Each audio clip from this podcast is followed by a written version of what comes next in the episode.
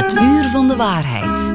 Welkom. Met Dennis van den Buis. Ah, de zon, pastis, la Méditerranée. Beetje jeu de boule, petanque. Het zonnige zuiden longt vakantie op komst. Maar welk hotel ga ik boeken? Welke huurauto? Welk boek neem ik mee? Ik ga daarvoor te raden bij recensies en sterretjes en reviews. Wat is beter? Wat is slechter? Waar kom ik beter wel en waar niet? Maar word ik misleid door die sterren? Oh ja, we gaan het ook nog over seks hebben.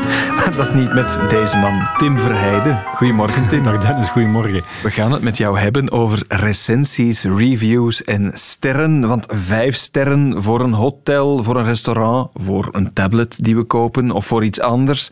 Tegenover twee sterren, dat is een groot verschil. Heel veel mensen gaan daar blijkbaar op af. Hè? Ja, acht op de tien mensen zou een beslissing of ze iets online kopen of een restaurant binnengaan of een hotel boeken toch laten afhangen van de reviews. Acht op tien, dat is niet mis natuurlijk. Ja, ik zit daar ook in, denk ik. Ja, ik ook? eigenlijk ook, ja. Ja, wie doet het niet? Kijken, als je dan toch in een buurt bent en je moet een restaurant boeken om maar iets te zeggen. Ja, dat maakt een verschil. Maar mogen die sterren en die recensies online betrouwen of misleiden die ons? Ja, ik zou zeggen ja. Toch, eh, als je op bepaalde sites zit als Booking.com of Airbnb, daar mogen alleen mensen reviews geven die er effectief geweest zijn. Alleen is er, als je bestudeert, toch wel een heel groot eh, spel aan de gang van manipulatie, om het zo te zeggen. Eh, Als ik kijk naar een andere website, TripAdvisor, jou misschien ook wel bekend. Eigenlijk mag iedereen daar een review achterlaten over hun hotel of, ja, of een restaurant of wat dan ook. En dan zie je toch uit hun laatste transparantierapport, zoals zij dat noemen, dat er eh, vorig jaar ruim 30 miljoen reviews online zijn gezet op TripAdvisor en dat er toch manipulatie was bij 1 miljoen reviews. Dus Oké. er zou nep-reviews, 1 miljoen nep-reviews op TripAdvisor zijn gezet met die nuance wel dat 72% van die nep-reviews er worden afgehaald nog voor ze er eigenlijk op staan. Maar Ja, toch dus, dus ze worden gedetecteerd, maar er is een soort mechanisme of een Ja. industrie van valse reviews of gemanipuleerde reviews. Hoe, hoe gaat dat in zijn werk? Wie zet die erop? Waarom? Het is een combinatie. Het is een combinatie van mensen die zeggen van kijk, ik heb hier een product te verkopen, ik ga zorgen dat ik er wat vrienden eh, iets positief over laat schrijven. Of je kan bijvoorbeeld ook eh, positieve Google reviews kopen. Ik heb zelf eh, de lijn gelegd naar een Nederlands bedrijf waar je vanaf eh, 60 euro kan je daar vijf positieve Google reviews eh, kopen. Ik wou eens weten hoe dat werkt. Eh, maar ze hebben jammer genoeg eh, niet gereageerd. Maar het gaat ook veel breder. Het zijn echt ook groepen te vinden, bijvoorbeeld op Facebook, waar dat tienduizenden mensen in zitten eh, die afspraken maken over ja, ehm, ehm, ik ben beschikbaar. Ik wil wel positieve eh, reviews plaatsen op eender welke website eh, tegen betaling. Er zijn ook mensen die effectief mensen gaan zoeken in die groepen. Je hebt grote organisaties, bedrijfjes om het zo te zeggen, die echt de boel gaan proberen te belazeren en te manipuleren. Dus het gaat van de individuele producent die iets te verkopen heeft, die zegt ik wil wat winst maken en reviews kunnen helpen, tot echt georganiseerde groepen die daar toch wel wat geld aan verdienen. Ja, als dat allemaal zo openlijk gebeurt, dan kan ik me voorstellen dat die platformen, zoals TripAdvisor, zoals Google, zoals Bol.com, dat die daar toch ook mee bezig zijn om ervoor te zorgen dat dat niet kan gebeuren. Ze zijn daar inderdaad mee bezig. Alleen al eh, Google is daar heel hard mee bezig. Een combinatie van geautomatiseer- geautomatiseerde systemen, AI, om het zo te zeggen, om te gaan detecteren van zijn er hier bepaalde mechanismen in het werk, eh, figuren, groepen in het werk die de boel proberen te belazeren. Maar ook kan je, als je bijvoorbeeld als eh, eigenaar van een restaurant of een hotel een fake review ziet voorbij komen, kan je dat melden natuurlijk. Maar men probeert die altijd op voorhand van het eh, platform af te halen. Alleen is het natuurlijk wel zo dat dat niet altijd even snel gaat. Je moet dat melden, dat wordt dan onderzocht. Want het, als jij zegt, kijk, het is een fake review, maar het kan evengoed een echte negatieve review zijn, dat moet wel eh, ja, gecontroleerd worden, want je mag nog altijd wel een echte negatieve review plaatsen. Dat mag, dat mag ook, inderdaad. Maar het is dan misschien wel niet zo gemakkelijk meer om te zien voor ons, als je weet dat er van die bedrijfjes zijn, dat er allerlei manieren zijn als eigenaar om het recht te trekken. Hoe weet ik nu, wanneer een review die geschreven wordt, of een hoop reviews, of ze echt zijn of niet? Wel, dat is, dat is wel, dat is, ik zou zeggen, moeilijk en niet moeilijk. Ehm, ik ga altijd lezen. Ik lees meer dan één review. En wat je moet doen, is heel goed naar het taalgebruik gaan kijken. Als iemand vaag is, dan kan dat een aanwijzing zijn. Is iemand overdreven positief, kan dat ook een aanwijzing zijn. Maar goed, je hebt mensen die terecht overdreven positief zijn, misschien over een ervaring. Dus ik ga altijd kijken, van, is die review geschreven doorgaans door iemand... Ja, je doet dat niet elke dag een review schrijven. Alsof wij hier tegen elkaar zouden zeggen... Zeg Dennis, je hebt die camera gekocht. ehm, is dat een goed product? Want ik twijfel of ik dat ook moet komen, kopen. Dat soort conversaties met alle nuances van dien zijn reviews ook zo geschreven. Als je kijkt naar, naar bijvoorbeeld heel specifiek taalgebruik. En we zijn op zoek naar een smartphone. Ik geef een voorbeeld. Ehm, de Samsung, dat model, 16 gigabyte, zoveel RAM geheugen enzovoort. Zo praten wij doorgaans niet tegen elkaar. Als je dat ziet verschijnen ja, pas in op, Tim, je zegt soms wel heel... nee, nee, rare dingen. Maar als je dat doorgaans ziet verschijnen in een review, dan zou er eigenlijk een belletje moeten afgaan. Want waarom doen mensen dat? Um, soms zijn mensen effectief, als je een smartphone zoekt, op zoek in Google naar een specifiek kenmerk van zo'n smartphone. En dan duikt zo'n review wel eens op in een, in een zoekopdracht. En dan proberen mensen, reviewers, te manipuleren dat net dat product opduikt. Ja, dus eigenlijk vanaf het moment dat het iets te technisch of te specifiek Ja, wordt, let op, dan zit er iets alhoewel, achter. er zijn ook wel mensen die echt wel echt wel reviews geven, heel genuanceerd, heel gelaagd, daar vaak ook wel foto's bij gaan plaatsen van kijk, ik heb het doosje open gedaan, zo zag het eruit. Wat je dan bijvoorbeeld kan gaan doen, is gaan kijken, die foto, ik- staat die al op het internet, bijvoorbeeld uploaden in Google, want je kan in Google gaan zoeken, maar je kan er ook foto's in opladen. Maar Tim, wie doet dat? We Ja, kijken maar je toch, moet dat doen. Ze moet- toch gewoon, is het nu kritisch doen, 3,1 of 4,5? Nee, ja, ik dat, ga dat, dat denk je dan. Ik ga dan nog, je moet, wat je ook kan doen, is de review een stukje tekst kopiëren en dat door Google jagen, om het zo te zeggen. De zoekopdracht is die review al ergens anders verschenen. Dat kan ook copy-paste machine dan- ontdekken. Ja, maar dat is belangrijk. Maar jij zegt dan van, kijk, we gaan naar de sterren kijken. Ja, ook niet onterecht of onbelangrijk, denk ik dan. Ik doe dat wel eens voor. Kijk, ik, ik heb onlangs een, een zak gekocht, een reiszak. Dan kijk ik eens even van een bekend merk dat ik ken. En kijk eens even naar de sterren bij dat product. Maar ik ken het merk. Maar als je gaat... Onderzoek van de Universiteit Antwerpen heeft ook uitgewezen dat mensen uiteindelijk niet zoveel belang hechten aan de sterren. Maar wel aan een goed geschreven, genuanceerde review, dat dat misschien nog het meest doorslaggevende is. Daar moeten we eh, naar kijken. Het kan wel grote gevolgen hebben als je weet, je zei het, 8 op de 10 gaat daarop af. Recent hadden we het voorbeeld van die restauranthouder in Sint-Truiden die belaagd werd door mensen van Schild en Vrienden omdat hij een travestieavond, een dragavond had georganiseerd. De reviews kelderden. Kan grote gevolgen hebben wel voor ondernemers als ze dat plots zien gebeuren. Wanneer er om allerlei redenen misschien een hele hoop negatieve recensies komen. Ja, dan zit je natuurlijk in het geval van Sint-Truiden was het, waren het negatieve fake eh, reviews. Ja, ja. Het was echt een gecoördineerde actie. Eigenlijk wel een beetje uit een, uit een politieke hoek. Maar het kan inderdaad gevolgen hebben. Ehm, je ziet ook vaak dat mensen onterecht negatieve reviews krijgen. Ik had onlangs het geval bij mij bij de bakker om de hoek. Die zei, Tim, ja, wat moet ik doen? We liggen in conflict met een klant. En het enige wat hij doet is negatieve reviews plaatsen onterecht. Dat kan je natuurlijk gaan melden. Maar het heeft wel degelijk een impact, omdat we allemaal onze beslissing vaak nemen op basis, op basis van een review. Het gaat er voornamelijk om. Ehm, Kijk, als dat gemanipuleerd is, ehm, bijvoorbeeld een concurrent valt jou aan door middel van negatieve reviews, dan zit je eigenlijk in het, bij oneerlijke marktpraktijken. Als je zelf als producent positieve reviews gaat plaatsen door werknemers, door vrienden, dan zit je bij oneerlijke handelspraktijken. Dat kan, dan zit je eigenlijk, dat kan vervolgd worden. En je mag niet zomaar liegen online. Maar dat vreet toch ook aan, aan, aan je hoofd, aan je brein als ondernemer, als, als caféuitbater? Ja, ik zag het bij de, bij de bakker om de hoek. Ik zag het bij de man in Sint-Truiden. Dat, is, dat, dat ver- veroorzaakt heel wat stress. Dat, dat je ligt daar nachten van wakker natuurlijk. Hè. Maar als je daar uiteindelijk niet zozeer met fake reviews, maar wel met negatieve reviews, als je daar goed mee omgaat, kan dat uiteindelijk ook wel iets goed worden. Want klanten zien dat ook wel als daar goed op wordt gereageerd. En bijvoorbeeld Horeca Vlaanderen heb ik gecontacteerd. Ze zeggen, we hebben niet echt cijfers over fake reviews, over negatieve reviews. Maar wat wij wel hebben is een, is een opleiding, is een draaiboek voor ondernemers hoe daarmee om te gaan. Want het heeft wel degelijk een gigantische impact Ja. op de verkoop, maar ook als het negatief of fake is. Dat is een manier om ermee om te gaan. Je hebt ook bedrijven die daar heel slink commercieel op inspelen en die negatieve reviews willen doen verdwijnen op allerlei manieren ook. Hè? Ja, want ik, ik herinner mij een, een voorbeeld van een, een, een dame die een, een, eh, een PlayStation had gekocht bij een bedrijf. Het, het product kwam maar niet, kostte toch een paar honderd euro.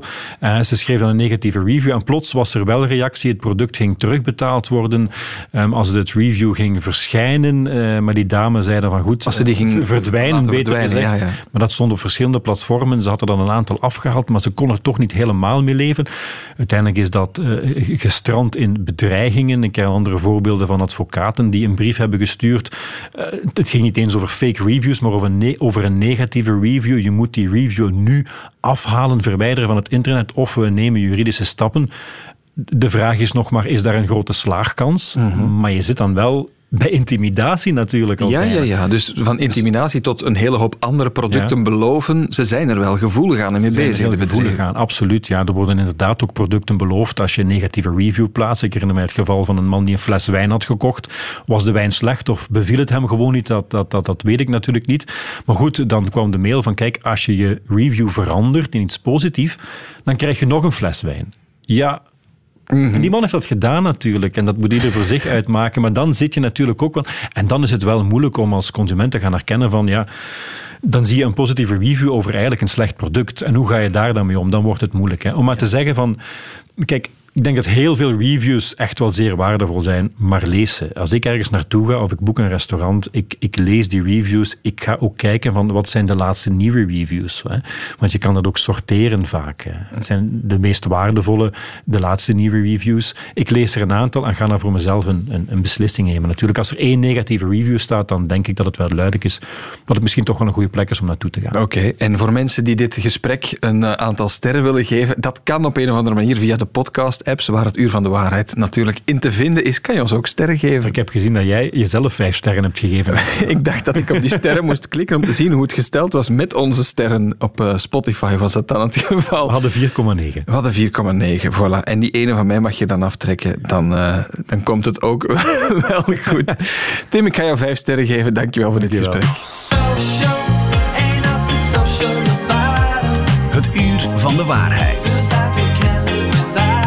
De wonderen van de sociale media. Ja, je blijft je daar toch over verwonderen. Want heb je dat nieuws eerder deze week gehoord? Een grote bevraging van Sensoa over het condoom- en pilgebruik. Hebben jullie een condoom gebruikt bij het laatste seksueel contact? Ik denk dat de meeste jongens het zonder doen. Ik weet niet waarom dat ze minder de condoom zouden gebruiken. Jongens um, scheppen daar vaak over op. Ik hoor dat van veel kennissen of vrienden of zo, dat die dat zonder condoom toffer vinden. Dat ze dan het gevoel hebben dat ze het doen. En alsof dat nieuws nog niet erg genoeg was dat jongeren al maar minder condooms en de pil gebruiken, begonnen ze dus op sociale media elkaar nog vreemde tips te geven. Dat merkten wij ook aan berichten op Instagram van ons jongerenkanaal Nieuws, Nieuws, Nieuws. Reacties daaronder, ja, die leken mij toch ook niet bevorderlijk voor veilige seks. We gaan erover spreken met Sarah Hulsmans van Sensoa, beleidsmedewerker daar. Sarah, goedemorgen. Goedemorgen. Sarah, verbaast het jou dat jongeren elkaar dan ja, tips gaan geven, allerhande, die meer van mythes hebben dan van waarheid? Nee, dat verbaast me eigenlijk echt niet. Ehm, we weten ook dat jongeren, zeker vanaf een bepaalde leeftijd, wordt de peer group, zo heet dat dan, heel belangrijk. En is de bron van informatie verschuift een beetje van school en ouders naar eerst hun peers en dan school en dan natuurlijk pas de ouders, omdat seksuele uh, gezondheid een beetje een taboe onderwerp wordt op die leeftijd. Dus verbaast mij niets dat jongeren elkaar van alle informatie willen doorgeven. Ja, want het nieuws zou eigenlijk jongeren moeten aanzetten om toch veiliger te werk te gaan. Dan kwam er een berichtje binnen, bijvoorbeeld een post uh, onder dat nieuws van ja, het kan geen kwaad om één keer je pil te vergeten. Tientallen likes. Je moet je geen zorgen maken. Klopt dat, dat advies van de ene jongere naar de andere? Ja en nee. Dus dat is het probleem met die informatie, hè, met korte boodschappen en informatie. Dat klopt inderdaad dat één pil vaak niet echt een probleem gaat zijn, maar dat is eigenlijk afhankelijk van welke pil dat je neemt. Dus dat wil zeggen welke hormonen, welke dosis, in welke week je zit. Dat is ook heel belangrijk. Je pakt een pil drie weken en dan doe je, als je wilt, een stopweek en dan begin je terug opnieuw.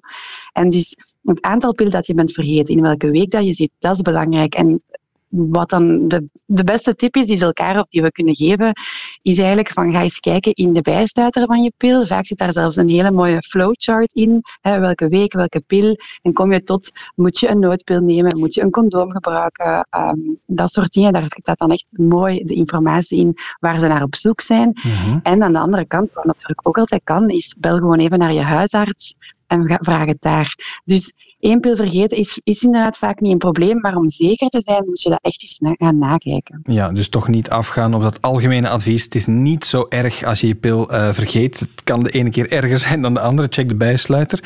Een andere tip die we heel vaak naar boven zien komen uh, gaat uh, over een andere methode dan de pil gebruiken. Want zeggen heel veel jonge vrouwen tegen elkaar, dat heeft met hormonen te maken. En zegt hier iemand, we moeten het hebben over de symptothermale methode. En we vonden van een influencer op TikTok daar ook een filmpje over. Ik ben um, nu al een tijdje gestopt met de pil. Ik heb ook een tijdje spiraal gehad, maar ik wilde van de hormonen af. Wat ik nu gebruik als anticonceptie is dit ding. En het is eigenlijk een thermometer. Hiermee meet je onder je tong elke ochtend. En uh, het is verbonden aan een app. Kijk, als je vruchtbaar bent, is je basale lichaams, lichaamstemperatuur dus anders dan op dagen dat je niet vruchtbaar bent. Je vult in die app ook in um, wanneer je ongesteld bent. En vanuit daar berekent die zeg maar de dagen dat je veilig bent. En dus even veilig als de pil. Klopt dat? Of is dit misleiding, Sarah? Ook weer ja en nee. Wat zij, ze legt het heel mooi uit. Hè. Ze, ze legt het uit hoe dat je het moet gebruiken. Nu, waar ze niet de nadruk op legt, is het feit dat dat wel heel veel van, uh, van die vrouwen vraagt. Als in, je moet elke dag op hetzelfde moment, je moet dat echt goed noteren. Dat gaat over schommelingen van 0,2 procent. Um, maar het is, het is een alternatief om van die hormonen uh, weg te gaan. Zeker in combinatie met uh, dat je ook gaat kijken, de kalendermethode gaat rekenen wanneer was je laatste ovulatie, zoals ze aangeeft, hè, wanneer was mijn laatste menstruatie. Uh -huh. um, of dat je ook nog gaat kijken naar hoe ziet uh, je cervixslijm eruit. Maar uh, als, uh, als we het daar dan over hebben, dan moeten we ook zeker toch wel benadrukken van, uh, dat je echt heel, uh, met heel veel nauwkeurigheid aan die methode moet werken. Um, Lijkt me niet en dat dan natuurlijk... tieners om misschien mee bezig te zijn. Bijvoorbeeld, wat, een, wat natuurlijk al een invloed heeft op de temperatuur, is bijvoorbeeld een kater hebben. En ja, we weten dat tieners wel af en toe eens een kater hebben. Dus het, is zeker uh, uh, veilig wanneer het heel goed gebruikt. Dat is natuurlijk het voordeel. Het nadeel is dat er snel een kleine fout in kan slippen. Mm -hmm. En dat eigenlijk bij hormonale anticonceptie, zoals een langdurig spiraal, dat daar de marge voor die, die fouten toch wel wat kleiner is. Ja, hoe kijken jullie als Sensoa naar heel populaire influencers met duizenden volgers, meer eigenlijk dan alle Sensoa-kanalen op social media samen, die zulke dingen mm. verspreiden? Wel, wij zijn natuurlijk hè, heel. We, zijn eigenlijk, we vinden het goed dat er aandacht voor is. We vinden het ook goed dat vrouwen vragen stellen bij uh, hormonale anticonceptie. Want we weten, hè, hormonale anticonceptie was echt een revolutie, heeft een seksuele revolutie teweeggebracht, heeft heel veel vrijheid gebracht voor vrouwen en mannen. Um, en nu zijn er eigenlijk wel veel vragen over, ja, maar wat doet dat juist met mijn lichaam? Wat ook goede vragen zijn. Dus dat is eigenlijk op zich geen slechte beweging dat men vragen stelt bij. En, en ook vragen, vraagt naar onderzoek daarnaar, want er is mm-hmm. gewoon veel te weinig onderzoek. In de ideale situatie zeggen wij ook altijd van, zouden we kunnen op voorhand zeggen, ja, die pil of dat hormoon gaat op jouw lichaam zo en zo en zo uh, effect hebben. Beter dat je dit of dit of dit doet. Maar, maar dat kan niet, want we hebben dat, dat, dat, dat heel veel jongeren nu wel kijken naar influencers en niet naar Sensoa. Ja, ik denk dat altijd dat heel veel organisaties daarmee worstelen, dat het moeilijk is om de doelgroep echt altijd juist te bereiken, omdat ja, een influencer doet ook andere dingen dan enkel dat. En is natuurlijk ook leuk om naar te kijken. En wij zijn vooral een informatieve preventieorganisatie, is misschien niet altijd even spannend waar wij mee afkomen, terwijl ja, wij natuurlijk wel altijd evidence-based wetenschappelijke informatie willen geven. -hmm, ja, een andere methode die ook opnieuw naar voren komt in al die uh, reacties op die post. Een zekere Jordan zegt: Onze pull-out game is sterker dan de vorige generaties. Niet stressen. Hij heeft het over voortijdig terugtrekken, denk ik. Um, is dat nog altijd in zwang, die methode? Geloven jongeren daarin? Ja, dat is iets hè, dat heel veel terugkomt. Als elke generatie zal dat zeker proberen. Is dat veilig? Ja, dat vraagt heel veel zelfbeheersing. Hè. Dus je moet echt op tijd terugtrekken voor iets van voorvocht of uh, sperma wordt klaargekomen. Um, dus ja, ik, ik, we, we, weten eigenlijk dat dat heel vaak wel misloopt. Hè. -hmm. Ook het voorvocht zelf bevat ook sperma, kan ook leiden tot een ongeplande zwangerschap.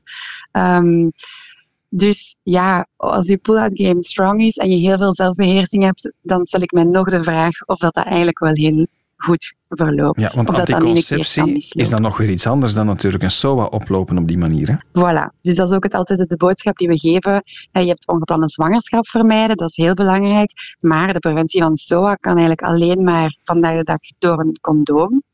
Dus het is, eh, die methode van combineren van, van middelen is natuurlijk echt wel aan te raden voor mm. dubbele bescherming. Ja, hoe, hoe ga je er eigenlijk als Sensoa mee om? Want er zijn heel veel mythes hè, die eronder doen. Bijvoorbeeld, uh, seks met een meisje als haar regels heeft, dan kan ze niet zwanger worden. Ehm, ja, als je de pil neemt, ben je altijd automatisch veilig voor alles. Eh, die dingen blijven nog rondgaan. Heb je het gevoel dat dat meer is nu in tijden van sociale media? Of dat dat ja, net minder duidelijk is, omdat alles en iedereen door elkaar maar wat roept?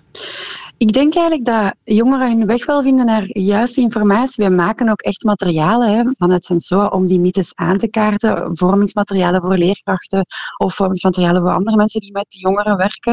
Uh, we hebben ook partnerorganisaties die dat doen, waarin we die mythes echt wel steken, waarin we echt wel proberen uit te benadrukken van kijk, de noodpil werkt niet altijd. Als je ijsprong al gehad hebt, dan gaat die niet meer werken. Dus dat proberen we wel echt.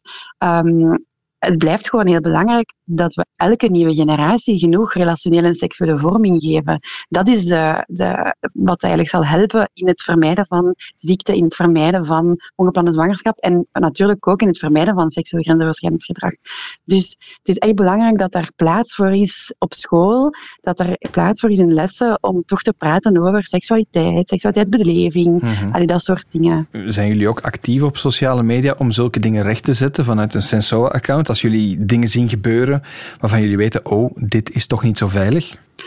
Ja, we zijn zeker niet actief dat we gaan um, op accounts gaan reageren met, uh, daarvoor zijn we niet groot genoeg, daar heb je een leger voor nodig, om het zo te zeggen.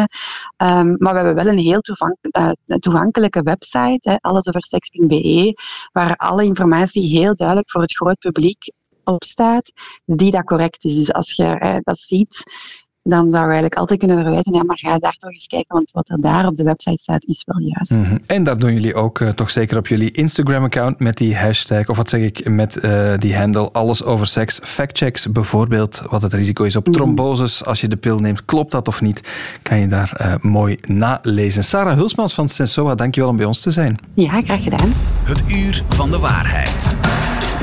De checkers.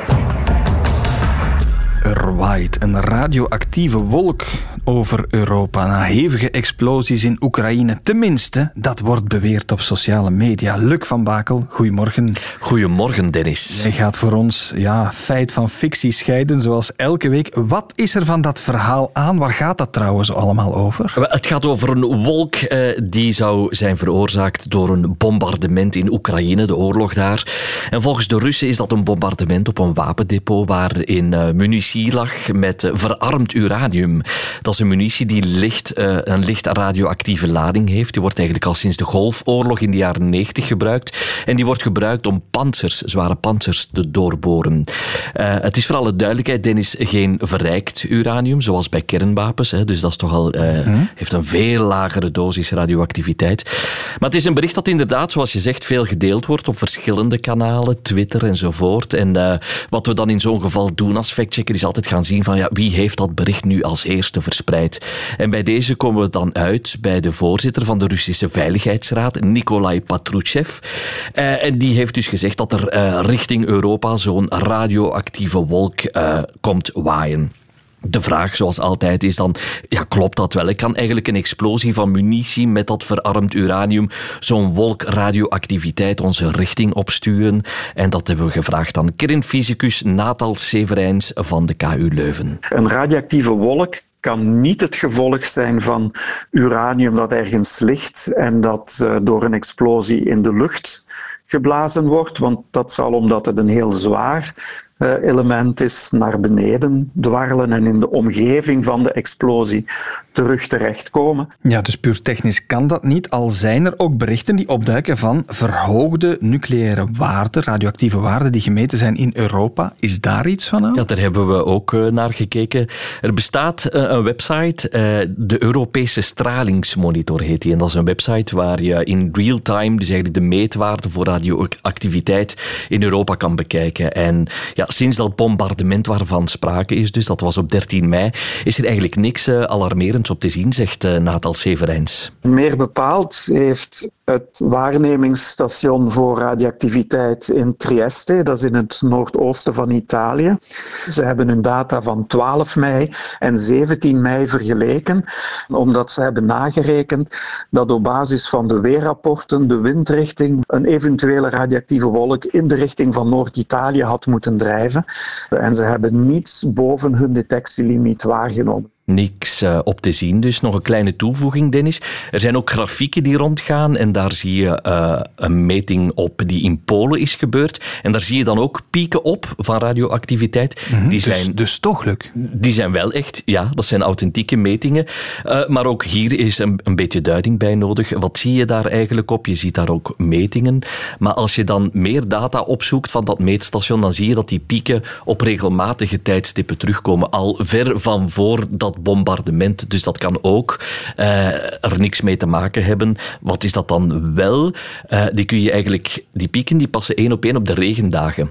Dat komt omdat uranium of andere radioactieve stoffen soms in gesteenten zitten, zoals bruinkool en steenkool. Ook als je dat dan verwerkt, wat in een mijnland als Polen wel is gebeurd, gaat dat de lucht in, die kleine radioactieve deeltjes. Als het dan regent... Dan vallen die terug naar beneden. Dan vallen die terug naar beneden en dan krijg je die kleine piekjes in de metingen. Maar niks... En, en gevaarlijk? Nee, niet gevaarlijk. Lage okay. dosissen. Dat is heel duidelijk. Van heel dat verhaal is er een radioactieve wolk die door Europa is getrokken of op komst is nog. Er is niets dat daarop wijst. We gaan naar een heel andere wereld, de wereld dichter bij huis, van de elektrische fietsen. Want er woedt een debat. Is dat nu gezond of niet? Ja, nu er geen radioactieve wolk is, kunnen we met een gerust gemoed gaan fietsen. Maar we kregen daar ook een, een hele interessante vraag over binnen. Een opmerkelijke tegenstelling, Dennis. Want volgens het Vlaams Instituut Gezond Leven is uh, ja, elektrisch fietsen een prima manier om je conditie op peil te houden. Minstens even gezond als gewoon fietsen, klinkt het. Maar als je dan kijkt op de pagina van de Nederlandse Fietsbond, daar uh, raadt men dat eigenlijk af, elektrisch fietsen. En daar staat dan, je, je denkt dat je gezond bezig bent, maar ondertussen doe je eigenlijk heel weinig. Dus, oei, oei, wat moeten we nu doen?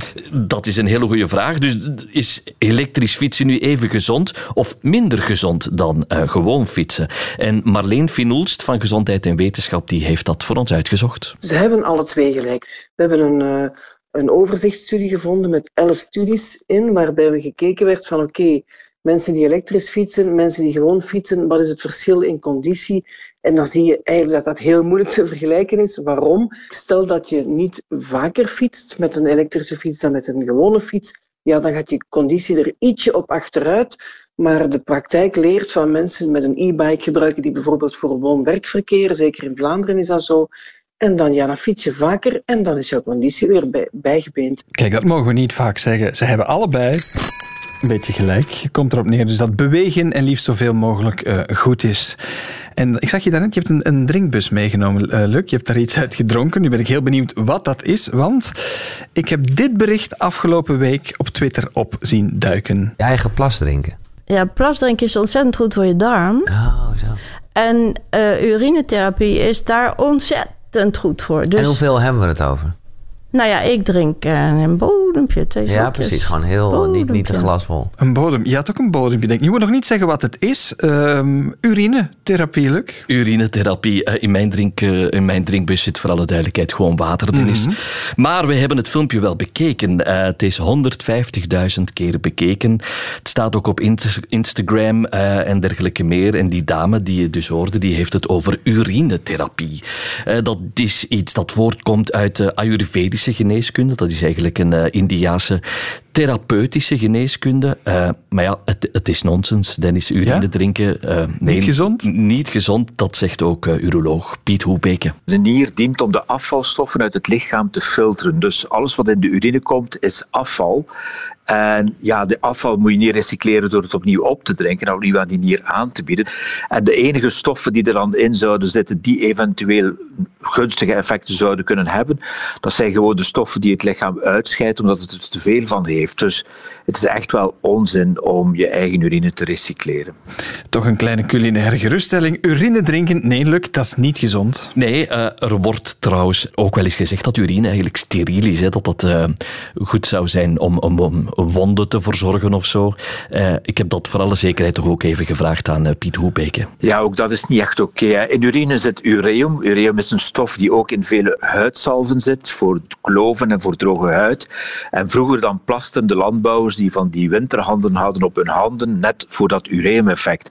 Voor wondverzorging gebruik je veel beter de klassieke ontsmettingsmiddelen. Dat is veel beter dan, uh, dan je eigen urine te gaan gebruiken. Oké, samengevat, Luc. Uh, we, we, kunnen daar heel duidelijk uh, in zijn. Urine drinken gezond, op je handen plassen voor wondjes te verzorgen. Zever, gezever! Ja, het was een hele gemakkelijke factcheck, die laatste. Ja, en ook geen radioactieve wolk. Elektrisch fietsen mogen we nog altijd wel doen. Luc, waar kunnen we die verhalen tot in de puntjes nalezen? Dat kan op de website van Gezondheid en Wetenschap en dat kan ook op de website van thecheckers.be.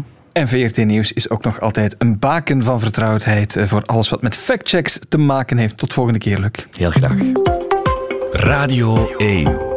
Het uur van de waarheid. Seks verandert alles. Dat lees ik toch op een plek waar ik het misschien niet had verwacht. In een eh, stuk op VRT Nieuws. Dat gaat over de Turkse verkiezingen. Want 64 miljoen Turken, ongeveer een goede 60 miljoen in Turkije zelf, de rest in allerlei buitenlanden, stemmen voor een nieuwe president in de tweede ronde. Eerste verkiezingen, waar artificiële intelligentie misschien een grote rol ging spelen, werd voorspeld. Maar seks verandert in die verkiezingen alles. Rien Emery bij mij, collega die dat stuk geschreven heeft. Rien, goedemorgen. Hallo. Welke rol heeft seks al gespeeld en, en valse seks en misleiding in die campagne? Wel, ja, seks is natuurlijk een fantastisch onderwerp bij verkiezingen om je tegenstanders te proberen belasteren. En wat hier in Turkije gebeurd is, is dat uh, een van de kandidaten uit de race gestapt is voor het presidentschap in de eerste, voor de eerste ronde al. Uh, Muharrem Ince. En dat was gedeeltelijk omdat er een sekstape verspreid werd die zou van hem zijn. Oeh. Ja. Um, daar is dan een hele rel over ontstaan over wie heeft dat uh, gerucht gelanceerd. Was het eventueel de andere oppositiekandidaat, Kemal Kılıçdaroğlu? Of uh, was het misschien, waren het misschien de Russen? Dat, dat, dat is dan wat, wat Kılıçdaroğlu beweerde. Mm -hmm. um, maar het is ja, een typisch, een typisch uh, manier om uh, verkiezingen te proberen beïnvloeden natuurlijk. Ja, want er is wel wat aan de hand daar in Turkije met desinformatie, vals nieuws bijvoorbeeld. Er zou ook door een kandidaat geadverteerd zijn op Pornhub. Ik zou het niet echt zo goed kennen, maar het is naar het schijnt een porno-website. naar het schijnt, we kennen dat niet natuurlijk. Nee. Um, ja, dat, dat, was ook een van de geruchten die, die, die gelanceerd werden. Gewoon typisch um, Photoshop-prentje. Iemand had een screenshot genomen van die porno-website en daar een advertentie van de CHP-oppositiepartij uh, ingeplakt. En dat zou dan een schandaal moeten zijn, maar het was gewoon nep. Um, ja, het is... Ik heb, ik heb een analyse gemaakt van ongeveer, ik denk, het waren er meer dan 100 factchecks van, van TEIT, een factcheck-organisatie uit Turkije. De 100, meer dan 100 factchecks die ze geschreven hebben, specifiek over de verkiezingen, specifiek over de kandidaten van deze verkiezingen. En Eén iets viel me daarbij heel hard op, en dat is dat die voorspelde deepfake-verkiezing, waarbij specifiek deepfakes en artificiële intelligentie en met artificiële intelligentie gegenereerde beelden of video's of audio zouden zogezegd een grote rol gaan spelen, maar dat is toch niet echt gebeurd. Nee, dat, dat klopt dus niet. Is er wel gewoon oldschool foute info verspreid? Zijn er vuile trucken uitgehaald? Absoluut. Uh, en ja, op, op gewoon de klassieke manier, wat men dan geen deepfakes, maar shallow fakes noemt. Gewoon photoshoppen, uh, heel, heel eenvoudig uh, beelden aan elkaar kleven, of je neemt ergens een beeld en je plaatst het in een andere context. En heel opvallend daarbij is dat het altijd gebeurde om voornamelijk negatieve propaganda te maken voor anderen, de tegenstanders. Maak dat um, mee. ja, dat, dat, is wel opvallend. Um, een, het ene voorbeeld dat er was van artificiële intelligentie die gebruikt werd, was een, een Engelstalige speech van de oppositiekandidaat, Kılıçdaroğlu. En dat was dan gemaakt door een, door een medestander van hem. Dus het was niet eens bedoeld om hem te beschadigen.